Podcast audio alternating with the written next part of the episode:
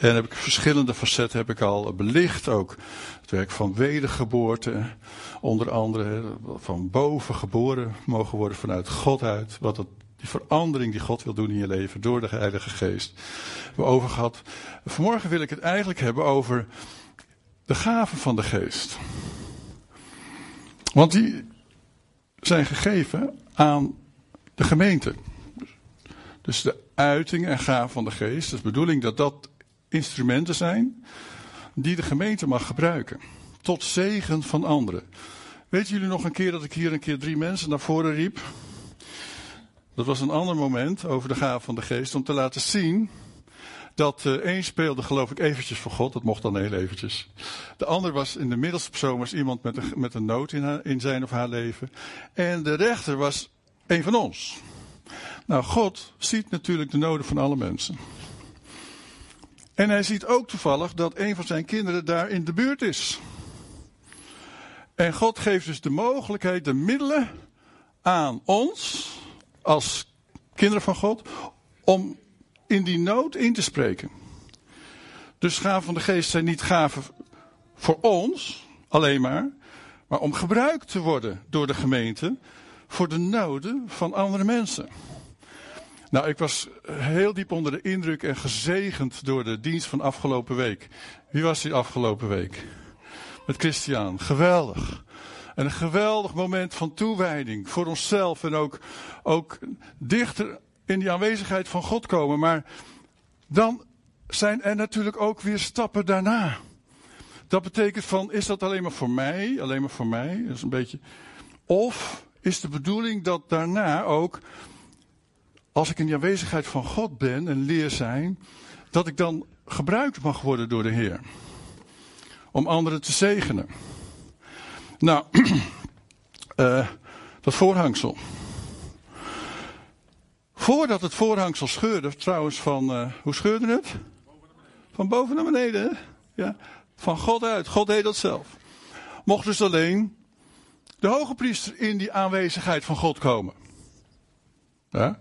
Weet je nog de preek van vorige week? Dat mocht alleen de hoge priester zijn. In het Oude Testament was het zo dat God, die leidde het volk door middel van koningen, koning, uh, priester en profeet. De profeet van het Oude Testament had een andere functie dan het doorgeven van een profetie in het Nieuwe Testament. Want de gewone mens, het volk van Israël, kon niet dicht bij God komen. Die moest via een tussenpersoon, priester, kon hij dicht bij God komen, de hoge priester onder andere ook. Of een profeet kon hij de, de weg van God vinden voor zijn leven, maar zelf kon hij dat niet. Maar doordat het voorhangsel scheurde, werd de toegang vrij voor alle gelovigen door en in Jezus Christus om in die nabijheid van God te komen en kan de Heilige Geest, de Heilige Geest werkt in het Oude Testament natuurlijk net zo goed, net zo goed, alleen vaak door enkele personen. Ook sprak de Heilige Geest God door bijvoorbeeld een profeet om de richting aan te geven voor het volk. Maar nadat het voorhangsel gescheurd was, was de Heilige Geest beschikbaar voor elke gelovige. Amen. En, en dat is juist zo bijzonder. Daarom is het ook bijzonder dat als wij leren in de nabijheid van God te komen, dat mogen we dus ook, want dat voorhangsel is gescheurd. Dat we ook leren om, om dan ook die stem van God te verstaan. En ook leren hoe Gods geest tot ons spreekt. En misschien ook niet alleen voor ons genoegen of behoefte, maar ook om gebruikt te worden om een ander te helpen, te dienen, tot zegen te zijn. Nou, dat is de bediening van de gemeente, lieve mensen. De bediening van de gemeente is dus niet in één persoon. Maar de bediening van de gemeente is dat alle christenen leren om dicht bij God te komen. Om vol te zijn van de Heilige Geest. En dan ook de gaven van de Geest die God beschikbaar stelt aan zijn gemeente. Om die te gebruiken. Nou, wie, is misschien een hele brutale vraag hoor, je hoeft er niet echt op te antwoorden, maar ik wil het toch proberen. Wie, heeft, wie is er wel eens bewust geweest van dat hij iets mocht doorgeven. En misschien was het niet, niet bewust van profetie, maar misschien was je daar niet zo erg bewust van. Maar was het wel een woord van kennis? Of was het wel zeker een woord van wijsheid? Alleen zelf was je er misschien niet zo bewust van. Wie heeft dat wel eens ervaren? Mag ik heel even iets anders zien? Ja, enkele wel, hè? Gelukkig. Vaak kun je dat dan, doordat je terugkijkt, denk je van. Joh, dat heb ik helemaal niet geweten, joh. En die persoon die het ontvangt, die zegt: oh, Dat was precies wat ik nodig had. Ik krijg uit een van de kringen hier uit Zutphen een envelopje een keer met een aantal bemoedigende zinnen voor mij. Dat ben ik helemaal niet zo gewend eigenlijk. ik moest even, lezen van, uh, wow. Maar ik vond het zo bemoedigend en zo liefdevol. Eh, dat, dat mensen zeggen van wat, wat, hoe zou ik Peter nou kunnen zegenen? Dat moet je natuurlijk nu niet allemaal gaan doen, dat is helemaal de bedoeling niet. Maar ik vond het wel heel, heel bijzonder, uh, omdat natuurlijk heb ik ook bemoediging nodig, ja. En, en ik vond het zo bijzonder dat ze eigenlijk even tijd hadden genomen om te zeggen van heer, wat, wat wil u nou zeggen? Hoe mogen wij dat doen?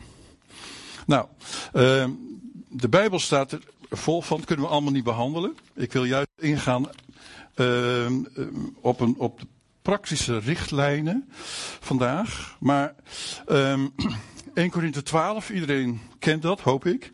Wordt gesproken over die gaven, die charismata. Gaven van de geest, gaven van een woord van wijsheid, een woord van kennis. Soms weet je niet precies hoor. Is het nou een woord van wijsheid, is het nou een woord van kennis? Maar soms heb je echt het gevoel dat je iemand moet, mag bemoedigen met iets. En dan blijkt dat dus later inderdaad precies een stukje wijsheid te zijn wat die persoon eigenlijk naar zocht of nodig had. Ehm, of geloof, hè? gaaf van geloof om zieken de hand op te leggen en genezing te zien gebeuren. De gave van kracht om, om wonderen te zien gebeuren. Dingen die niet mogelijk zijn, onmogelijk zijn. Plotseling gaan ze mogelijk worden. Of het profiteren. Dus echt een doorgeven van een bemoediging vanuit God uit voor een persoon. Of een boodschap doorgeven in tongen. Nou, tongentaal om jezelf op te bouwen, is een gebedstaal. Dus als je vervuld bent met de Heilige Geest, mag je daarin bidden voor jezelf. En dat doen we ook. Maar het is ook mogelijk dat de Heilige Geest een boodschap wil spreken in de gemeente. En dat er iemand is die daar eerst met een tongentaal komt. En dan zegt de Paulus, die zegt dan ook, dan, is het, dan moet je even wachten, want het is wel dan noodzakelijk wel goed dat er dan ook een vertolking komt. Dus een ander heeft dan weer de gave om die vertolkte boodschap in het Nederlands aan ons door te geven. Romeinen, de Romeinenbrief, spreekt Paulus daar ook over, over. Noemt hij ook genadegaven, profiteren weer. Maar daar noemt hij dan ook bijstand verlenen of helpen. Vind ik ook zo mooi, hè? Helpen is een gave van de geest. En sommige mensen hebben dat ook.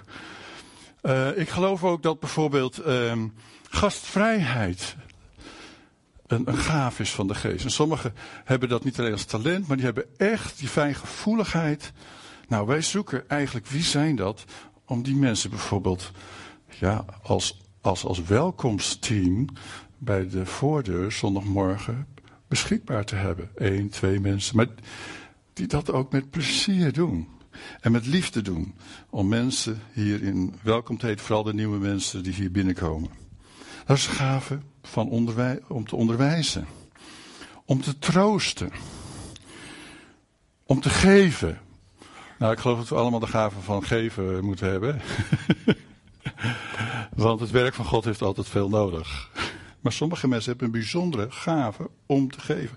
Die gemeente in Jakarta heeft een gave om te geven. Het is een gemeente die nog niet zo oud is.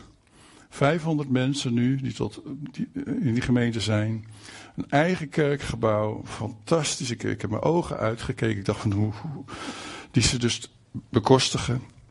Uh, voorgangers met een heel pastoraal team wat ze bekostigen. En dan nog twee keer per jaar 100.000 euro aan zending geven.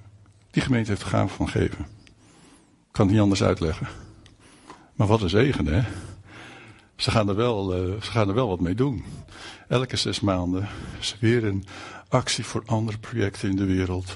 Om mensen echt uh, te helpen. Het koninkrijk van God uit te breiden. Ze gaven van leiding geven. Nou, ik wil even een stapje verder gaan, want hoe kunnen we dat nou praktisch ruimte geven in de gemeente? We hebben eens met Arenda erover. Zeg Arenda, van de ochtenddienst, zonder dat er verstoord, maar het zou wel heel mooi zijn als er ook af en toe eens gewoon echt eens een uiting zou zijn van de geest. Dan moet je natuurlijk wel op het goede moment even wachten. Uh, niet terwijl we aan het zingen zijn, gaan staan. Of je moet misschien heel even naar voren komen. Je kan altijd naar Arenda of naar mij of naar een ander iemand die eh, van de oudste even gaan en Ik heb dit op mijn hart, mag ik naar voren komen? Mag ik dit, mee, mag ik dit eh, delen? En dan staan wij daar open voor. Wij willen graag dat de gemeente hierin leert functioneren. Maar 1 Korinthe 14, dat is wel een interessant hoofdstuk. Want daar legt Paulus dus even de, aan dat er ook kaders en orde zijn. Het is wel goed om daar heel even over te hebben. Hij zegt hier in 1 Korinthe 14, vers 26, ik begin bij 27 tot 40. Hij zegt, er mogen twee, tijdens een, een dienst, een samenkomst, er mogen twee hoogstens drie van u in klanktaal spreken, dat is dan in tongen. Ieder op zijn beurt en bovendien moet en met iemand die de uitleg geeft. Dus als het in de gemeente gebeurt, een boodschap van God, dan is het goed dat er dus ook uitleg komt. Is er iemand die dit kan? Dan moet ze zwijgen alleen voor zichzelf. Is er niemand die dit kan, dus niemand die uitleg kan geven, sorry. Dan moeten ze zwijgen en alleen voor zichzelf tot God spreken. Ga dan zelf gewoon God aanbidden in nieuwe tongen. Dat is oké. Laat van hen die profiteren er telkens twee of drie spreken. En daarna moeten de anderen het beoordelen. Sommige mensen zijn heel bang voor het beoordelen. Vandaar hou ik mijn mond wel. Als ik beoordeeld word, dan, dan, doe, dan hou ik dan Nee, dat vind ik eng. En toch is het eigenlijk heel gewoon. Een van mijn eh, vrienden, die had echt gebruikt om in het publiekelijk, maar ook zo'n persoonlijk, echt, echt een boodschap van bemoediging te geven. En een, een, een profetie door te geven aan iemand. Die gaat er heel relaxed mee om. Die zegt van, joh, dit is wat ik van de Heer voel voor jou. Maar, maar je moet me even laten weten of het landt bij jou. Wat is oké als je zegt van, uh, zeg me niks. Dan leer ik ervan. Wow, ik dacht dat is even lekker relaxed, relaxed. Die gaat er goed mee om. Helemaal niet gespannen. En ook voor de persoon die het ontvangt. Ook helemaal niet uh, spannend en gespannen. Maar gewoon, gewoon corrigerend, open, ontspannen. Ik dacht van ja, wauw, daar kan ik wel wat van leren. Laten we van hen die profiteren er telkens twee of drie spreken en daarna moeten anderen het beoordelen. Wanneer aan iemand die nog op zijn plaats zit iets geopenbaard wordt, moet degene, moet die op dat moment spreekt verder zwijgen. Dus het is ook wel goed om alert te zijn als gemeente. En alert te zijn als God iets wil zeggen, kunnen we dan een openingetje maken in onze dienst en een van de dingen voor ons, ook van dat, wat ons zou helpen, denk ik, en ook uh, bijvoorbeeld Arenders helpen, dat als je voelt van ik heb echt het gevoel dat de Heer iets heeft, iets wil zeggen, kom dan gewoon naar voren. Zeg het even bij ons. Eventueel, zeg het alvast. Wat, wat voel je dat de Heer zou willen zeggen? Want dan kunnen wij ook, ja, als het ware met jou meetoetsen van, uh, komt het overeen met het woord of komt het misschien niet overeen met het woord van God. Dat, hindert ook helemaal niet, want we zijn samen altijd in de school van de Heilige Geest. Zo is het tenminste mijn hele leven. Oh, ik heb wat experimenten gedaan in die zin. Ik weet nog goed dat de Heer, we hadden een keer ook een uh, Heilige Geestavond in de gemeente. En, uh, en als voorganger steek je je nek uit, ga je natuurlijk uh, voor. En ik zei, joh, maakt helemaal niet uit, je mag hier fouten maken. De gemeente is de veiligste plek op aarde. Fouten maken mag, is niet erg. Maar sta open om gebruikt te worden door de Heer. En uh, ik weet nog goed dat de Heer zei van er is hier een vrouw die heeft iets aan een meniscus aan de rechterknie. En ik wil die aanraken. En ik dacht, wow, nou goed, ik ga het proberen. Ik zeg, hier is hier dus een vrouw. En die heeft iets aan haar rechterknie, meniscus. En God gaat haar nu aanraken. En iemand stak een hand op. En ik dacht, oh nee. Haar man is een van de meest kritische mensen in de gemeente. Als dit maar goed gaat.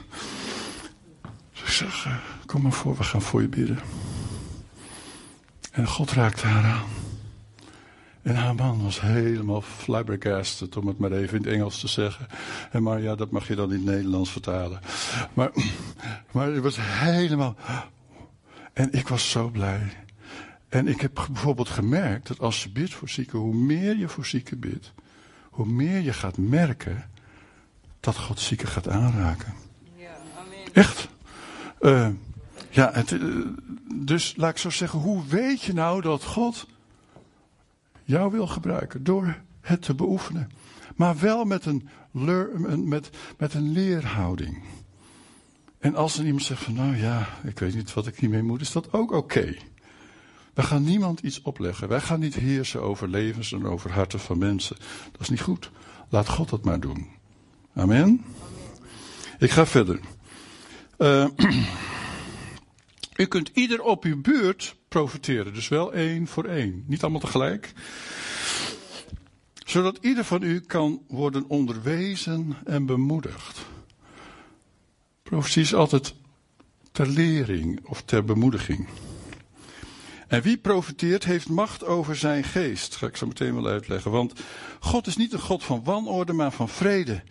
Zo is het in alle gemeenten van de heiligen.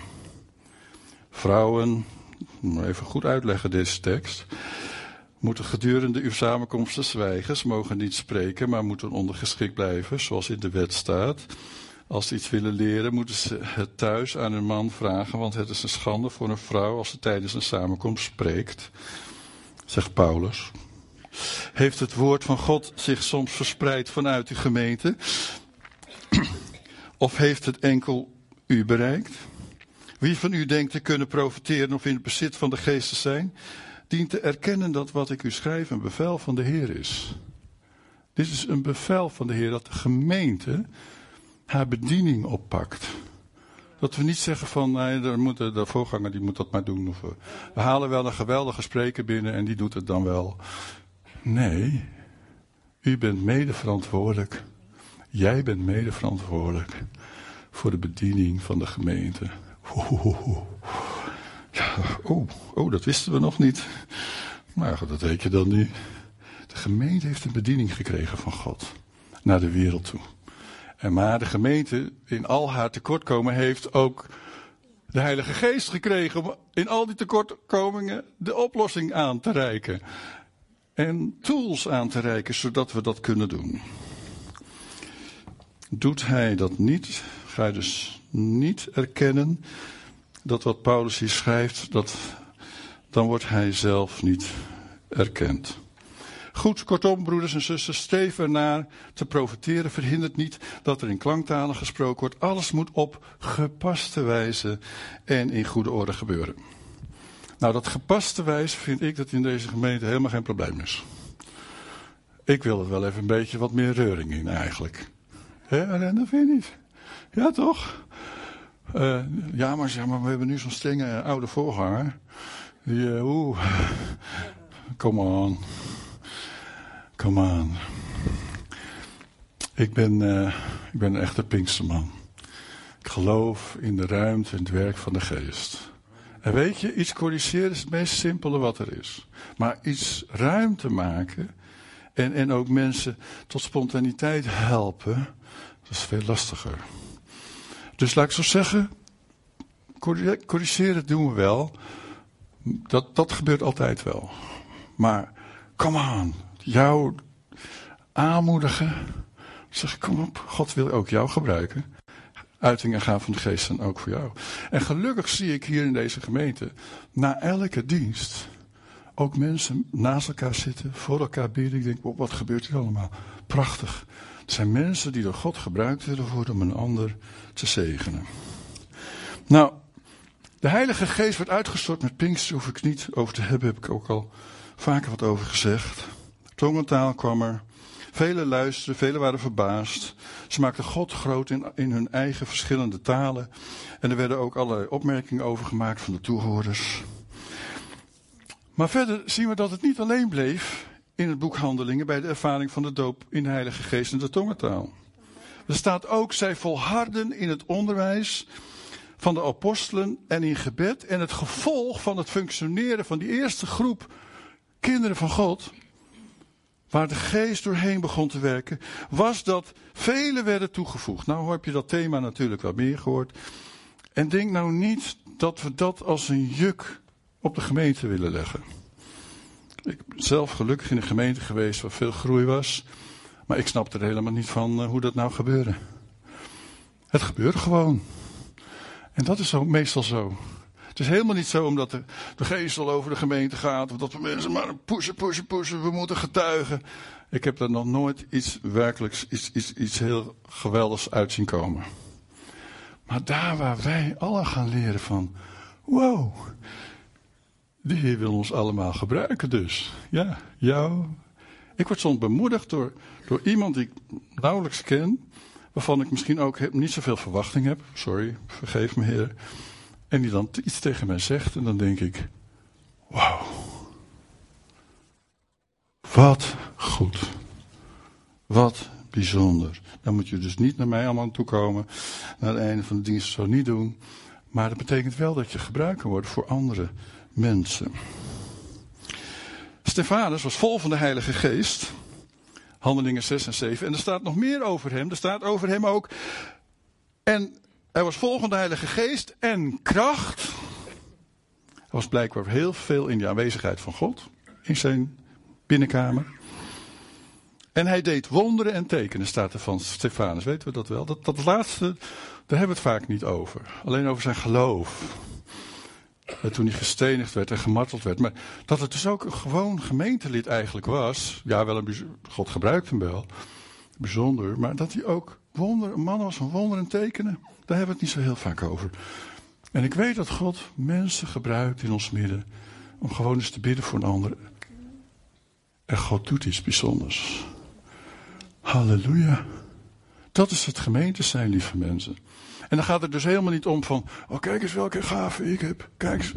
Die gave is dus niet voor jou. Die gave is omdat er iemand met de nood is.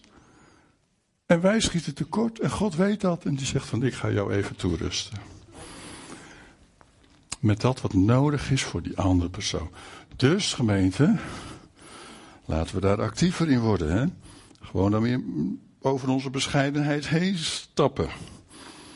Uh, want we zien verscheidenheid van gaven in de gemeente. Even tijd in de gaten houden. En door de gemeente. Paar kaders.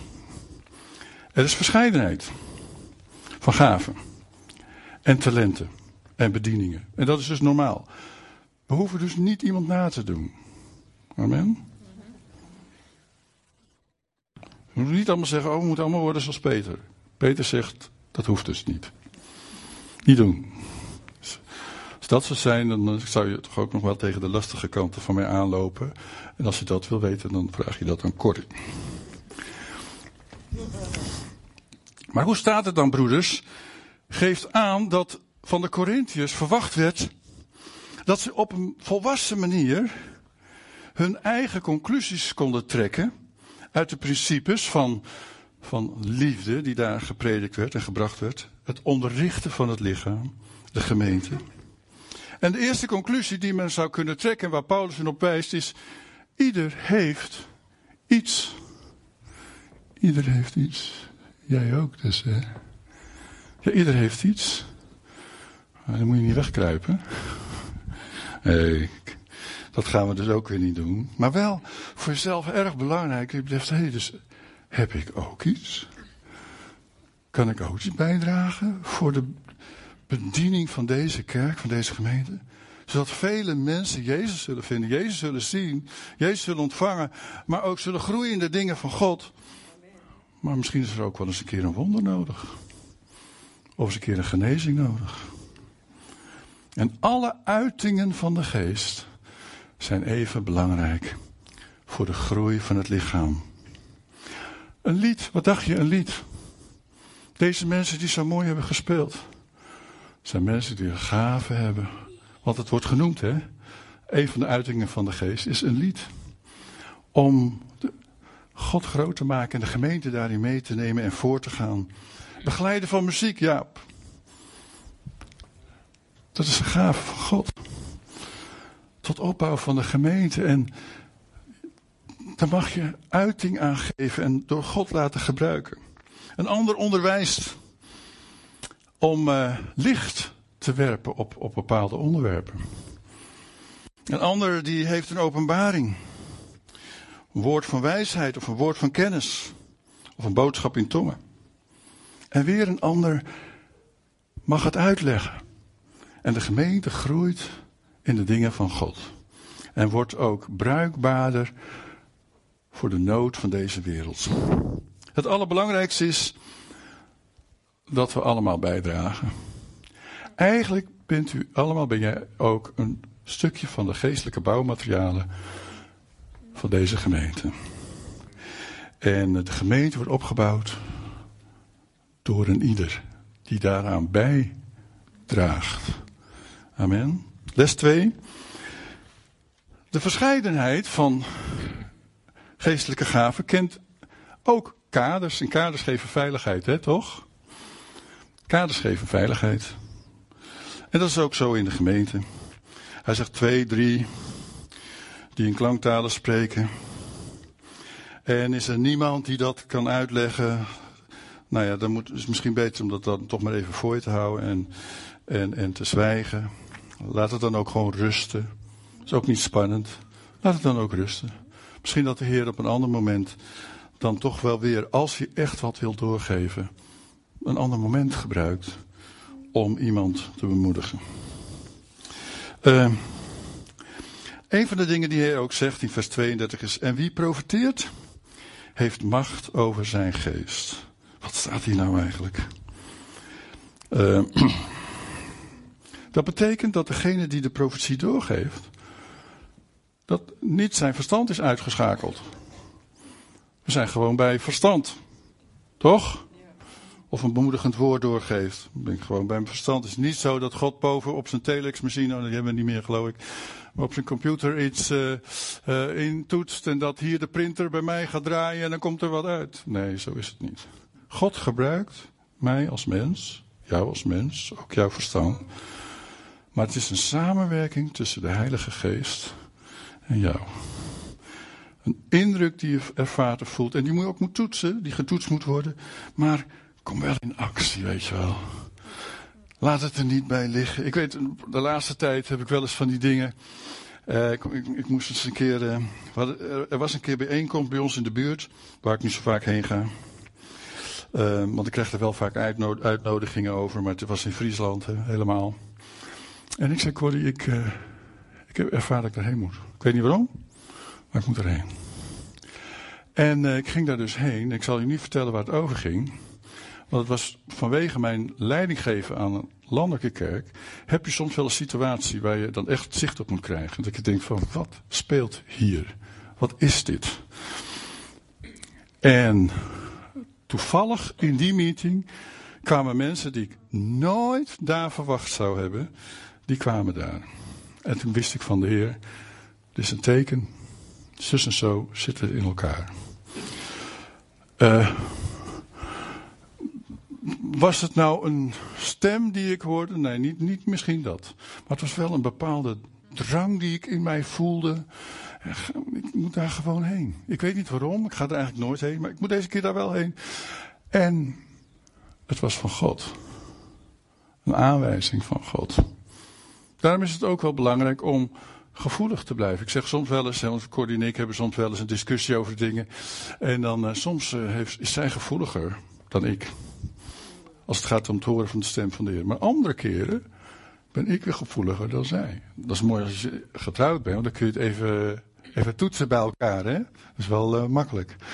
En dan, maar soms moet ik ook zeggen van Corrie, laat nou even. Ik, ik, ik, ik heb deze drang in mij en ik wil dit gewoon zo of zus of zo doen. En even, even, stop even de discussie. Doet zij ook dus met mij ook dus ook. Hè?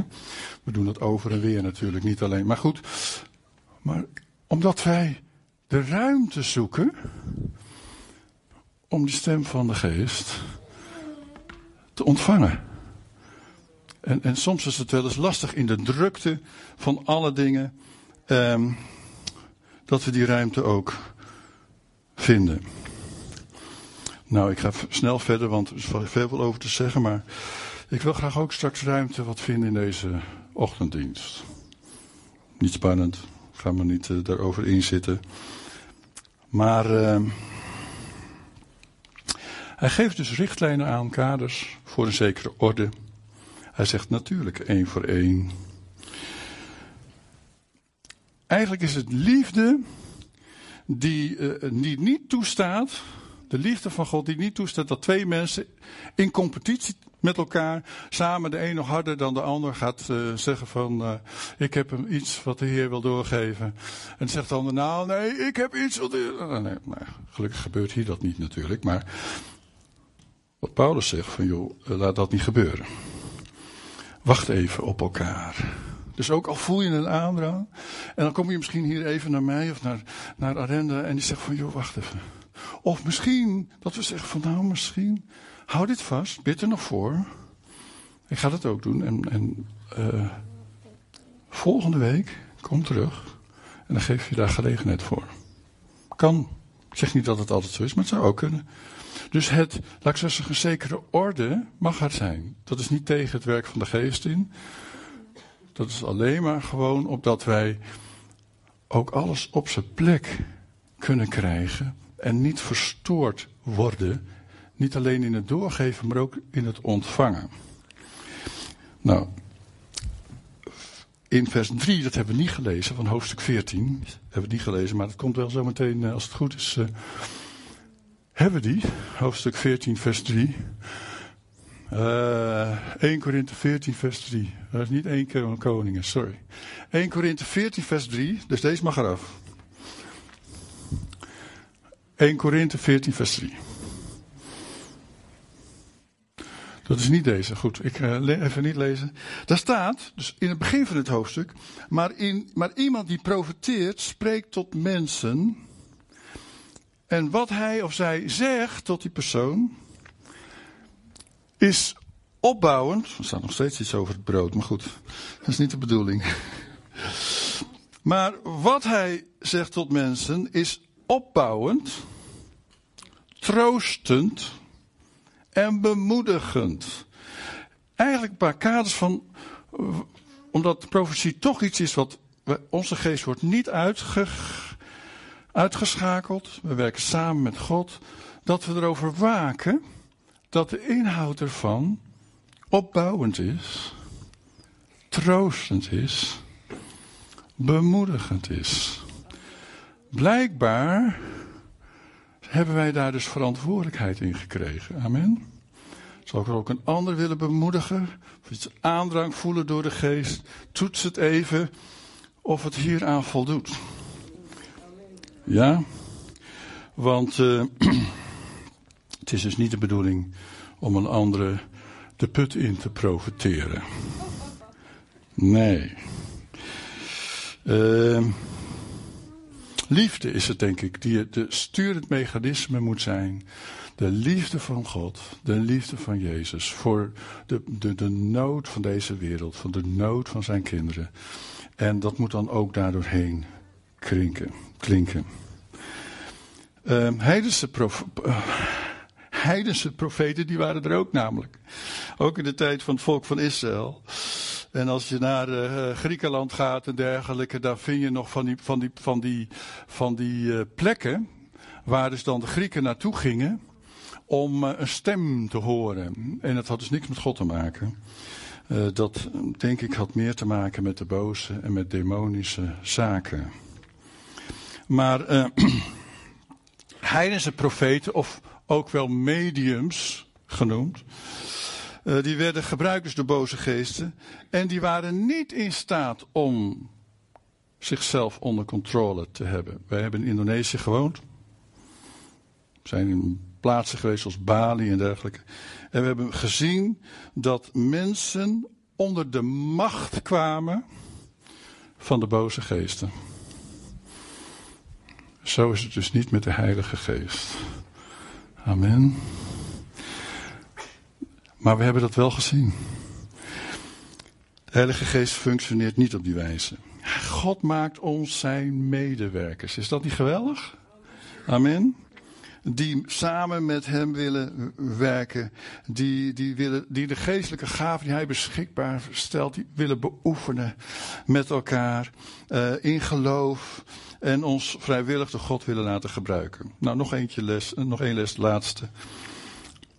Ik denk dat hoofdstuk, uh, dat vind ik zo mooi, tussen 1 Korinthe 12, waar al die gaven worden uitgelegd, de hoeveelheid en wat het allemaal is. En 1 Korinthe 14, de orde waarin het gebruikt mag worden, staat nog een hoofdstuk. 1 Korinthe 13, hè. En ik denk dat eigenlijk 1 Korinthe 13 moet eigenlijk eh, ja, de, de basis zijn, maar het hele kader zijn waarbinnen we met de uitingen van de geest omgaan. Liefde, vriendelijkheid, fijngevoeligheid. En uh, we zullen dus helemaal niets verliezen als we even een moment wachten tot de juiste gelegenheid er is. Nou, als laatste nog even kort over die uh, woorden tegen, uh, ja, eigenlijk een beetje tegen vrouwen. In die tijd was het zo dat, ja, zowel mannen, maar ook heel veel vrouwen waren ongeletterd, waren niet opgeleid. En vaak in de samenkomst was er ook als het in, in, in, in de tempel was, er zat een vrouw op een eigen plek en die probeerde dan aan hun man te vragen. Die begrepen daar dus niks van wat er gebeurde in die dienst. En dan, uh, Jan, wat, wat is dat? Wat zijn jullie nou weer aan het doen? Nou, dat zou hier ook storen, of niet? En Paulus zegt van, jongen, dat moeten jullie eigenlijk niet zo doen. Ik geloof niet dat hier staat, ook niet op dat wij zien dat Gods geest zowel mannen als vrouwen vervult. Maar ik geloof niet dat hier staat dat er dus geen bediening is voor vrouwen. Omdat dan halen we het uit de culturele context. En die culturele context was zoals die was. En Paulus die moet daar in die lokale situatie van Korinthe daar wat over zeggen. Er waren toen ook in die tijd bijvoorbeeld, en dat, dat zien we soms ook nog, heb ik ook wel eens meegemaakt, rijke, invloedrijke vrouwen, maar ook mannen die dachten dat ze vanwege hun maatschappelijk aanzien eigenlijk de leiding van de gemeente konden overnemen. Dat zou ook nu niet geaccepteerd worden, maar ook daar niet. Wel, de geestelijke gaven werden gebruikt door allen seksen, om het maar zo te zeggen, man en vrouw. Ze maakten daar gebruik van, zoals de geest het hun dat toebedeelde. Mijn moeder, mijn ouders, mijn oma is tot geloof gekomen door de bediening van een vrouw. Zuster Alt. M-A Alt. Voor degene die het boekje Glorieklokken nog kennen. Zij is de schrijver daarvan geweest. Honderden gemeentes gesticht. Wow, wat een gezalfde bediening. Onder de leiding van de Heilige Geest. In Indonesië is een gezegend land. De, vele gemeenten zijn daaruit voortgekomen. En zelfs ook gemeenten in Nederland zijn daardoor ontstaan. Ik denk dat dit eigenlijk geen discussie hoeft te zijn, ook in onze gemeente. Maar wat ik zo graag wil zien, is dat we op een of andere manier met onze diensten zo om kunnen gaan, dat er ruimte is. Amen. Voor de Heilige Geest. In de dienst Tijdens de aanbidding misschien. En ik denk, hè, ook de aanbiddingsleider, we zijn heus alert. Maar kom dan misschien naar even ons toe. Want als de Heer ons wil bemoedigen door zijn geest, laten we daar dan ook ruimte aan geven. En misschien is er iemand die ook vanmorgen hier een stem van God nodig heeft. Nou, niet zoals in het Oude Testament. Van uh, ja, uh, Bruce Lebos heeft wel een woord van de Heer van mij gekregen. En dan, uh, dat is oud-testamentisch hè. Dat deed ze in het Oud-testament. Gingen ze naar de priester toe. Gingen ze naar de profeet toe. Want zelf konden ze de stem van God niet verstaan. Als we goed nadenken over de preek van afgelopen week. En als we weten dat het voorhangsel is gescheurd van boven naar beneden toen Jezus hing aan het kruis. Dan zou ik zeggen van, verlang je meer de stem van God te horen? Kom mee joh. Kom mee in die aanwezigheid van God. Want jij hebt zelf het recht. En met de hulp van de Heilige Geest heb je zelf de toegang. Om te leren luisteren naar de stem van God. In zijn woord in de eerste plaats. maar ook door zijn geest. Nou, daar willen we wel met jou mee op weg. Want sommige mensen vinden dat lastig. Dat is ook best wel te begrijpen. En van iemand die langer in Christus is, kun je ook wat leren van hoe werkt dit. Of dat je misschien het wilt toetsen. Zeg je, ja, ik heb dit, deze ervaring, maar klopt dit wel? Nou, dan kun je dat checken. Dat is ook het toetsen waar Paulus naar verwijst. We gaan een heel mooi lied zingen met elkaar. En ik wil je gewoon uitdagen om open te staan voor het werk van de geest. En het zou best kunnen zijn dat het heel stil is, zometeen.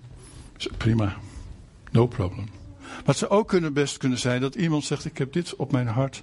Peter, mag ik dit delen? Het zou kunnen. Ik zou zeggen: Kom vrijmoedig naar voren. Misschien dat ik even vraag: van, eh, wat, wat is het? Maar het is mijn verantwoordelijkheid natuurlijk om dat ook te vragen. Maar laten we leren om zo te opereren. In de bediening van, die God gegeven heeft aan de gemeente. En uh, moet kijken wat er dan gebeurt. En als we hier vrijmoedigheid kunnen vinden, dan zou het ook nog wel eens zo kunnen zijn dat als je op straat loopt en dat je iemand tegen het lijf loopt en zegt: joh, ik weet niet waarom, maar ik moet dit tegen jou zeggen. Wow. En het treft doel. Wat gebeurt daar? Je maakt gebruik van de gave van de geest die God ook door jou heen wil werken. Is dat niet fantastisch? Amen. Zullen we gaan staan met elkaar? De Heer groot maken, een moment van aanbidding hebben. We hebben nog wel een paar minuten. Het is nog vijf over twaalf. Mag nog wel, ik kijk even naar Renda. Heilige Geest, neem de ruimte in ons leven, in ons hart. Breng ons dicht bij u, Heer. Help ons om in die aanwezigheid te vertoeven van dat heilige der heiligen, dicht bij God. Help ons om uh, te leren luisteren naar uw stem. Dank u, Heer Jezus. Dank u, Heer Jezus, dat u aan het kruis gestorven bent. Dat het voorhangsel gescheurd is van boven naar beneden.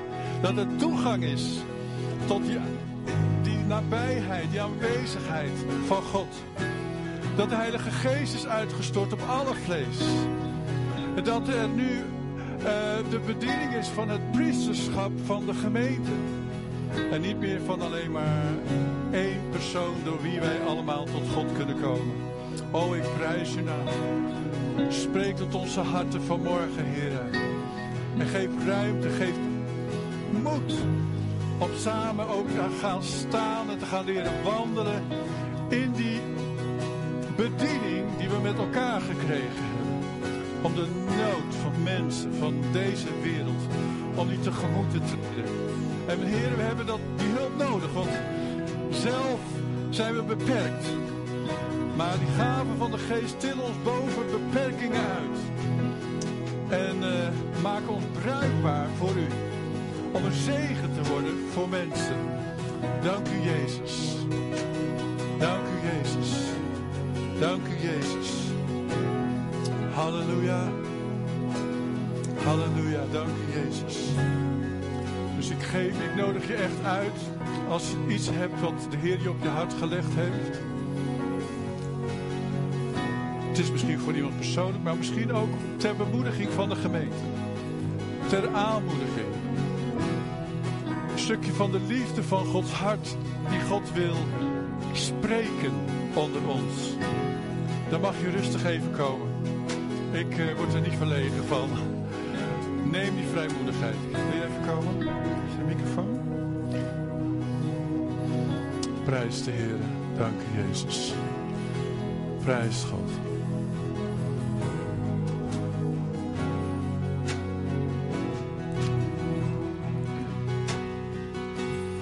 Oké. Okay. Even kijken naar de geluidsman. Doe deze. Ja. Dankjewel. Ik had voor vanmiddag ook voor uh, getuigenis een tekst opgezocht uit Jezaja. Die mij altijd heel erg uh, eigenlijk bemoedigd heeft. Maar ook gewoon op pad gebracht heeft. Er staat, ik heb onder hen gezocht. Dat zijn woorden van de Heer over, het staat in Ezekiel. Er is een heleboel mis in het land. En dit zijn dan woorden die de Heer zegt. Ik heb onder hen gezocht naar iemand die een muur zou kunnen optrekken voor mijn aangezicht op de bres zou kunnen staan ten behoeve... Hmm. Als jij nou dat microfoon vasthoudt... Ik hou hem microfoon vast. Ja. Ten behoeve van het, van het land. Zodat ik het niet zou verwoesten, maar ik heb hem niet gevonden. Nou kan ik hem weer vasthouden eventueel. De Heer zocht naar iemand die voor het land wat zondig was op de bres wilde staan en hij vond niemand. Dit is een tekst die ik al jaren geleden eigenlijk eh, gewoon maar steeds opnieuw bij me kwam. En ik heb op een gegeven moment gedacht, Heer, ik zou het niet willen laten gebeuren dat voor dit kleine stukje land Zutphen waar ik gesteld ben door u, dat u, dat u niemand zou kunnen vinden die op de bres zou willen staan en een muur zou willen bouwen voor deze stad. Dus ik heb gekozen om eigenlijk te zeggen tegen God van Heer, ik, ik, ik wil niet dat u, dat, dat u niemand zou vinden. Dus als u niemand heeft, hier ben ik. Jezus. Hier ben ik, Heer. En ik wil op de bres staan voor, voor deze stad, voor de mensen van deze stad, voor de mensen die u op mijn pad brengt. En dat heeft de Heer gewoon gedaan.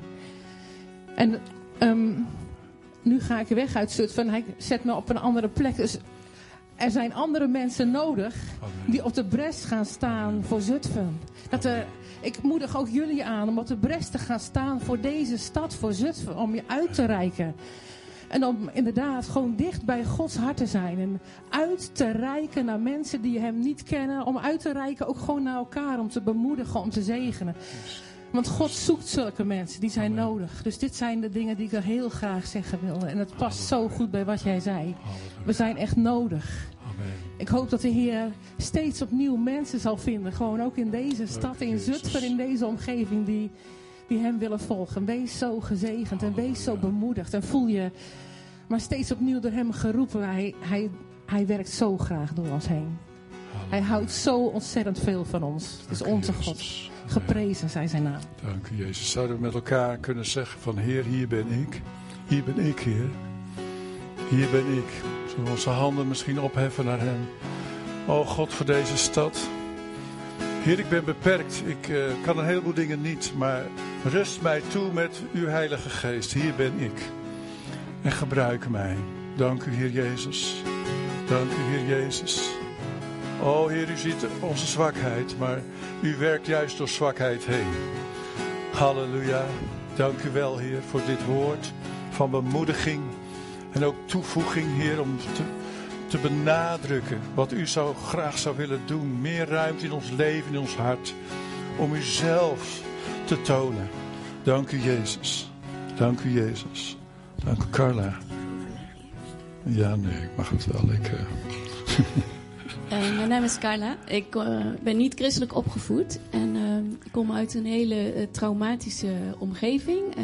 Toen we tot bekering kwamen, bijvoorbeeld, moest mijn broer echt uit de raam eh, kruipen om eh, naar de kerk te gaan. Dat eh, dat niet ontdekt zou worden. En een van de dingen die mij ontzettend heeft geholpen, is profetie. Dat iemand naar mij toe is gekomen, zo'n heel jong meisje, ontzettend verlegen en vol van angst. En naar me toe is gekomen en heeft gezegd van, ik heb iets voor jou en dat zegt God. En dat gebeurde mij eigenlijk regelmatig. En eh, ook eh, op plekken waar ik het niet verwachtte. Het heeft me zo eh, vastgehouden dat ik het geloof kon vasthouden. En ik heb dat ook opgeschreven. Dus als ik het dan terugkijk, dan denk ik: God, dat heb ik 22 jaar geleden van God gekregen. En datzelfde woord zegt hij nu weer. En ik wilde eigenlijk da daarmee zeggen van hoe belangrijk profetie is. En ook hoe moeilijk, want ik ben nog steeds verlegen. En, eh, en toch merk ik, ik vind het belang groter dan de verlegenheid. Dus ik stap ook gewoon uit een bank. En ehm, ik wilde ook tegen jullie vertellen eh, hoe, hoe dat ontstaat. En ehm, bij- omdat ik zo'n liefde voor profetie kreeg, ben ik het gewoon gaan zoeken. En ik, ik vroeg gewoon, ik wilde het zo graag hier, want het heeft mij zo goed gedaan. En wat ik dan deed, is omdat ik nogal stil ben en niet zo makkelijk praten, is veel kijken. Heel veel kijken naar mensen en dan zag ik iets. Gewoon met mijn natuurlijke oog. En ik zag bijvoorbeeld dat ze slecht geslapen hadden, of dat ze ruzie hadden gehad thuis, of dat er iets was. Gewoon. En dan dacht ik, nou ja, vooruit dan maar, dan zegen ik ze. Maar terwijl ik keek met mijn natuurlijke ogen, leerde ik meer. En toen begon ik te profiteren met mijn natuurlijke ogen door te zegenen. Want wij mogen eigenlijk allemaal leven uitspreken. En soms wist ik niks anders te zeggen. Ik zegen jou in Jezus naam. En dat alles wat je bedrukt, uh, weet je. Maar dan kreeg ik ideeën van wat er aan de hand was. En, en uh, ik wil je eigenlijk gewoon bemoedigen. Vaak wachten wij tot we denken van... Uh, een viool die op de achtergrond speelt. En dan zal ik gaan. Maar het gebeurt gewoon dat jij iets ziet. En als je iets ziet bij een ander, ben je eigenlijk al geroepen in deze gemeente. En wat zou het gaaf zijn als hier kinderen waren, kleine kinderen. Waar moeders soms niks van weten van hoe moet ik dat nou doen? En ik kan het niet bereiken. En dat jij bidt voor het kind tot je een woord krijgt. Ik heb zo'n paar gasten op mijn oog waarvan ik denk... Heer, geef een woord. En, en uh, voor, voor ouderen of familie van je. Uh, dat je iemand meeneemt naar de kerk en denkt: hij is voor het eerst in de kerk, ik zweet peentjes. En dat iemand anders denkt: Heer, geef mijn woord voor die. En ik geloof zo dat, dat dat zo bedoeld is. En ik wil jullie gewoon echt. Ik maak het te lang. ik wil jullie gewoon echt bemoedigen. Het ligt zoveel dichterbij dan je denkt. He, wij, ja. wij, het is een indruk wat Peter zegt. Ja. En heel vaak is het van jezelf. En dan zeg ik ook bij, volgens mij was de helft enthousiasme. En er zit er ook bij van God, weet je wel. Ja, amen, Carla. Prijs de Heer. En vaak, zo begint het ook wel, want het is wandelen op het water. En, uh, maar als je dan houdt hè, eraan dat je, dat je met liefde vervuld bent, dat je ook uh, bemoedigt. Dat zijn gewoon ook van die veilige kaders. En dat is dan ook helemaal niet erg. Ik heb ook wel eens een indruk gehad waarvan ik denk, nou dat was van mezelf. Maar hoe weet ik dat? Dat weet ik niet altijd. Door het alleen maar uit te proberen. En als je dan binnen die kaders houdt, dan, uh, dan gaat het meestal wel goed. Jij wil die microfoon terug, nou dat mag dan. U mag Sorry. ook nog heel even gaan zitten. Want ik zit, Zijn er het, mensen het hier staan die, blijft, uh, wordt een beetje te lang, denk ik. Ja. Zijn er mensen hier die een woord van God nodig hebben? Amen. Zo, hè, ik zou bijna zeggen, steek je hand op. Amen. En kijk, kijk maar om je heen. En de rest gaat vanzelf, denk ik, in de koffiehoek. Precies. Precies. Maar kijk gewoon om je heen. En uh, er, er gebeuren de mooiste dingen door. Amen, dankjewel. Hanneke. Ik zag een, uh, uh, een stroom van water voor de gemeente. Een stroom van water uit de hemel. En toen zag ik daar iemand zitten en die, uh, die had zo'n flesje met water. Zo was hij aan het drinken. En toen dacht ik dat God, God liet zien van het dorstig zijn naar zijn geest. Toen hielp ja. Marja mij even met de tekst die daarbij hoort. En die staat in Johannes 7 vers uh, 37 en 38. En op de laatste, de grote dag van het feest, stond Jezus daar en riep: Als iemand dorst heeft, laat hij tot mij komen en drinken. En het gevolg daarvan is: wie in mij gelooft, zoals de schrift zegt, stromen van levend water zullen uit zijn binnenste komen. En waar sprak je over? En het was over de geest. Lees maar één tekst verder. Vers 39. En dit zei hij over de geest. Amen. Die zij, die in hem geloven, ontvangen zouden. Want de Heilige Geest was er nog niet. Halleluja. Omdat Jezus nog niet verheerlijkt was. Prijs God. En ik brand eigenlijk van binnen om, uh, om ook daar, ja, gewoon ook voor, voor dat, dat God, Gods geest kan stromen door ons heen tot de mensen. We, we hoeven het niet uit onze tenen te halen. We halen het uit de geest van God die, die wij drinken en doorgeven. Drinken en doorgeven. Amen. En uh, ja, ik brand eigenlijk om dat, dat, dat vuur van Gods geest. Om, om, om daar ook voor, ja, ja, voor te bidden. Maar, ja. Wil jij de mensen daarvoor uitnodigen? Ja. Want laten we maar gewoon. Uh, laten we... Ja. Ik kan best wel voorstellen, ik zeg, ik heb die vrijmoedigheid gewoon niet. Nou, dan gaan we met elkaar ervoor bidden, toch? Zo werkt dat.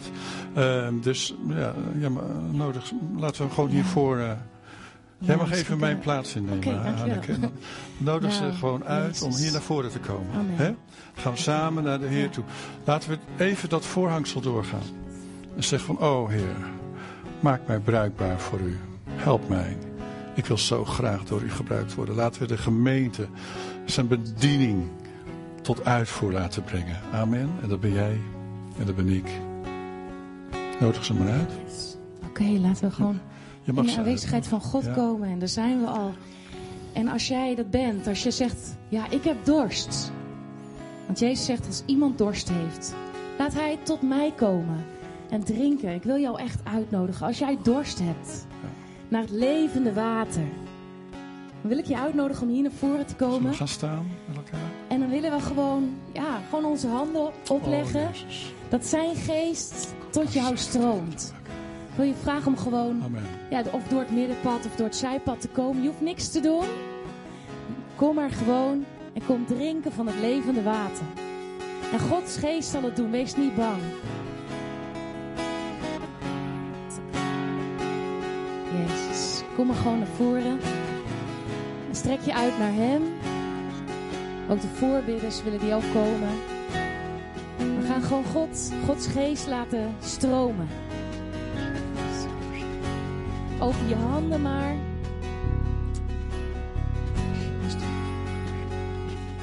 En kom hier maar op een, eh, gewoon op een, eh, op een rij staan. Dan wil ik de voorbidders vragen om gewoon eh, naar de mensen toe te lopen. En Gods geest te laten stromen. Te bidden voor de vervulling van de geest. Waar de geest van de Heer is, is vrijheid. En je hoeft niet bang te zijn. Hij wil jou alles geven. En hij gaat je aanraken.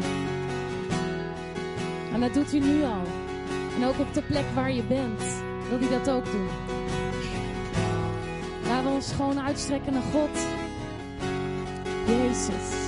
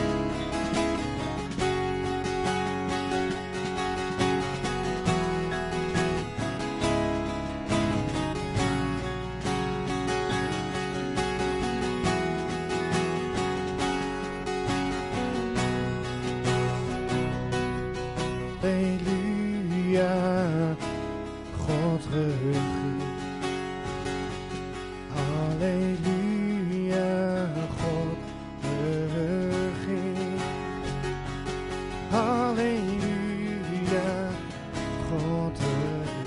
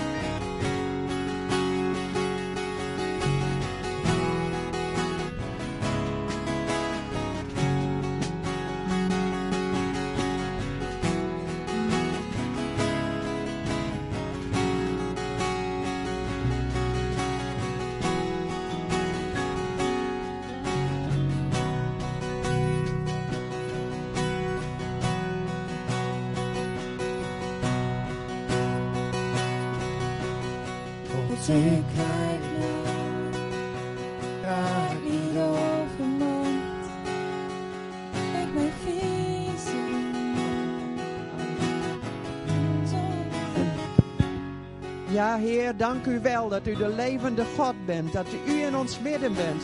Dat u ons wil vullen met uw Heilige Geest. En dat niet alleen vandaag, maar elke dag, Heer. Geef dat we elke dag bij u zullen komen en zullen drinken. En zullen zeggen, Heer, ik kan het niet. Wilt u mij vullen? Wilt u door mij heen werken, Heer? Wilt u mij gebruiken tot zegen van anderen? Wel dat u dat wilt doen. Dat u de levende God bent. Dat we tempels zijn van de Heilige Geest, Heer. En dat u wilt stromen door ons heen als wij komen met onze dorst. Als wij zeggen, Heer, gebruik mij. Laat Zutphen het horen, Heer, dat u de levende God bent. Dat u van mensen houdt. Dat u mensen wil genezen en redden en bevrijden. Dat u mensen wil vullen met uw Heilige Geest. Dank u wel, Heer, dat u de levende God bent. En zo zegen ik jullie in de naam van de Vader, de Zoon en de Heilige Geest. Om een zegen te zijn voor anderen. In Jezus' machtige naam. Amen. Amen. Terwijl hier nog mensen blijven bidden.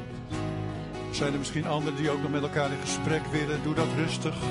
En anderen die zo naar de koffie willen, doe dat ook rustig. Maar spreek elkaar aan en bemoedig elkaar. Amen. Bemoedig elkaar.